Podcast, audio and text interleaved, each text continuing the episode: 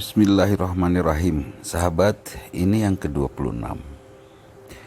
Menghadapi godaan atau tantangan apa pun Kondisi apa pun di dunia ini Jangan sampai apa yang menjadi keputusan kita terprovokasi oleh bisikan setan laknatullah. Sehingga kita mengambil keputusan yang salah Bahkan mungkin kufur dari apa yang sudah ditetapkan oleh Allah kita putus asa, kita marah, dan lain sebagainya. Hadirkan keikhlasan pada diri kita. Siapa manusia yang ikhlas itu? Yang mampu mengatakan, Wallahu ahad, Allah itu satu. Allahus samad, Allah itu tempat bergantung. Artinya, semua yang mempengaruhi hidup kita hanya Allah saja. Kita tidak akan dipengaruhi oleh apa pun. Yang berpengaruh hanya Allah saja.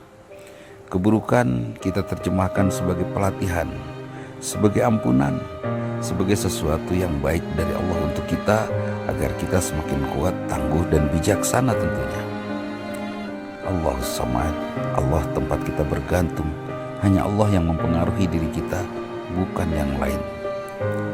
Lam yalid walam yulad, jangankan benda yang mempengaruhi kita. Manusia pun tidak tidak akan mempengaruhi kita. Bahkan yang disebut Tuhan, Tuhan itu tidak punya keturunan dan bukan dari keturunan siapa pun.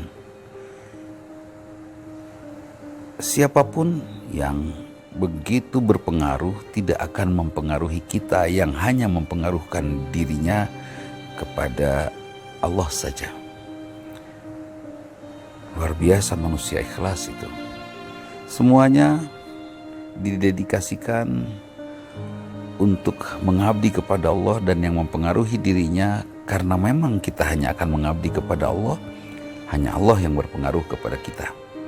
Tidak akan yang lain. Walam yakul lahu kufuan ahad karena kita yakin tidak ada yang sejajar dengan Allah yang boleh mempengaruhi hamba ciptaan Allah ini.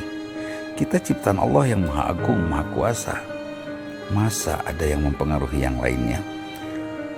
Masa ada yang lain yang mempengaruhi kita? Kitab ciptaan Allah yang maha mulia.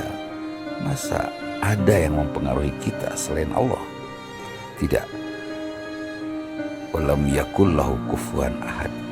Kalau semua sudah didedikasikan seperti itu, pengaruh hanya dari Allah saja, tidak dari yang lain. Yang lain harusnya mempengaruhi kita untuk melengkapkan dan menyempurnakan pengaruh Allah kepada kita.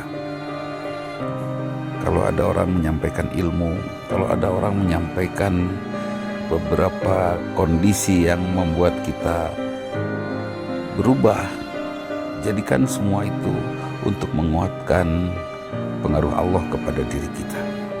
Sehingga semuanya akan menjadi menenteramkan. Begini, Orang ikhlas itu suatu saat dia memberikan kebaikan kepada orang lain. Ketika orang lain menerimanya dengan cara yang tidak menyenangkan, sebut saja kita sudah memberi, tetapi dia malah bercerita tentang keburukan kita. Kita tidak akan tersinggung sebagai seorang yang ikhlas. Kita akan berkata, kalau itu masih terasa buruk oleh kita, artinya kita belum ikhlas. Tapi kalau keburukan itu justru dirasakan sebagai pelajaran besar yang membuat kita semakin bergantung kepada Allah, semakin dipengaruhi oleh Allah, maka itu yang disebut ikhlas. Tidak ada keburukan. Semua kebaikan pasti dibalas oleh kebaikan. Apa pun sikap orang itu kepada kita, meskipun mungkin orang itu menurut orang lain bersikap buruk, kita akan tetap menerjemahkannya baik karena kita ikhlas. Allah menganugerahkan sikap orang itu untuk kita agar kita menjadi sempurna. Ikhlas membuat setan laknatullah mati kutu untuk bisa masuk dan mempengaruhi jiwa kita. Itu saja. Majelis ke-26. Dudi mentakin aku qouli hadza wa Assalamualaikum warahmatullahi wabarakatuh.